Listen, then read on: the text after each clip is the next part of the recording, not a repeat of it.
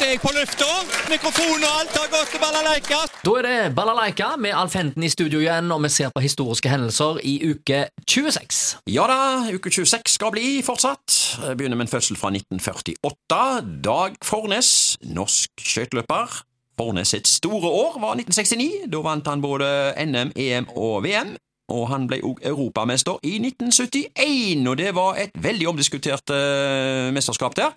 Det var jo en hjemmefavoritt. Dette her var jo i uh, Heerenveen, og eh, Jan Bolls han ble diska på 5000 meter fordi han hadde gått to yttersvinger, og det var enormt eh, mye brudulje om, eh, og Dag Fornes seilte opp istedenfor som sammenlagt eh, leder og sammenlagt vinner, og en veldig upopulære vinner blant det nederlandske publikummet som ønska Jan Bolls på den toppen av seierspallen. Veldig spesielt, men eh, den dag i dag så er det mange som husker den episoden med Jan Bolls, altså. Ja, nettopp. Ja. Dag Fornes, altså, født 1948. 1966 ble det født en hardtslående du, amerikaner, Mike Tyson. Mm. Verdensmester i tungvekt da. Han var noe så sjelden som verdensmester i alle tre bokseforbundene samtidig, han. WBA, WBC og IBF. Eh, Men kanskje noen husker Tyson best, for når han eh, beit i øra til Evander Holyfield Ja, Ja, eh, kan du si det sånn at Holyfield fikk så ørene flagra der? ja gjør jo det. Ja, Men Holyfield vant jo faktisk den kampen. ja gjorde jo det? ja, ja, ja.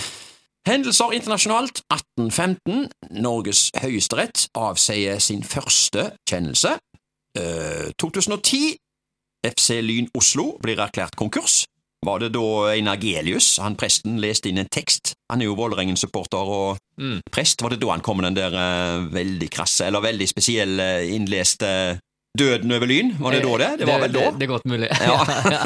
ja. Eh, Det gikk altså konkurs i 2010, Uh, måtte starte på nytt i fjerdedivisjon som uh, amatørlag. I dag er de vel i tredje. Hendelser lokalt. Kino i uke 26. På Edda i år 2000 Mm. gikk filmen Gone in 60 Seconds, en film med Nicolas Cage, Angelina Jolie og Robert Duel. Så gikk filmen Full pakke, en actionkomedie med Bruce Willis og Matthew Perry. Og så gikk filmen The Next Best Thing, en film med Rupert Everett og Madonna. Og så gikk det en film som vant to Oscars, Topsy Turvy. Det var altså kinomenyen i 2000. Det gikk enda flere filmer, men uh, vi stopper der. 1972. Overskrift Haugesunds Dagblad. USAs frisører mister jobben, men langt hår kan ikke skremmes bort, sier frisører. Siterer videre. Moten med langt hår for menn har ført til at 20% av USAs frisører er blitt arbeidsløse i løpet av de siste fem årene. Meldingen kom som et sjokk fra frisørforbund Richard A. Plump på forbundets årlige kongress i California tirsdag. Også i Danmark er tendensen helt klare på dette området. Svært mange utlærte frisører har i løpet av de to siste årene gått fra sitt yrke og over i industrien. Det finnes simpelthen ikke marked for klippere. En frisør i dag er imidlertid langt mer enn en klipper, sier formannen i Haugesund herrefrisørlaug, Jon M. Espeland, til HD. Vi må møte ungdommen og lytte til deres moter og vilje. Det er helt klart at mange frisører så vel her til lands som i utlandet har fått sin dødsdom, i hermetegn da, på grunn av ungdommer, på grunn av at ungdommer med langt hår ikke fikk den samme velkomst i salongen som kortklippede.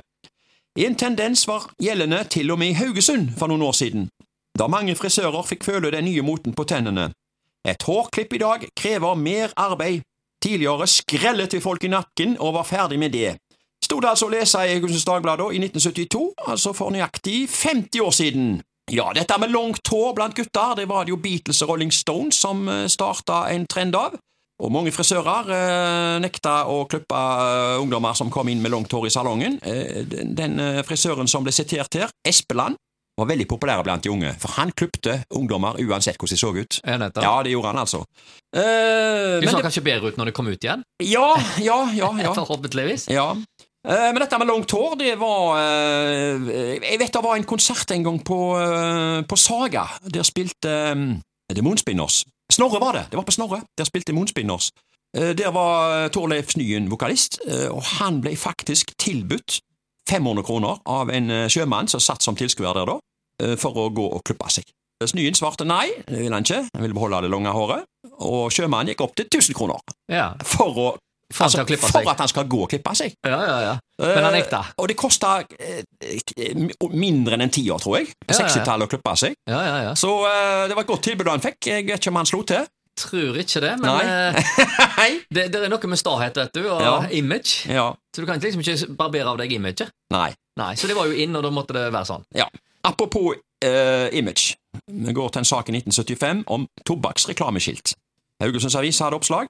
I Haugesund later tobakksinnehaverne til å ta det nye forbudet mot tobakksreklame med stor ro.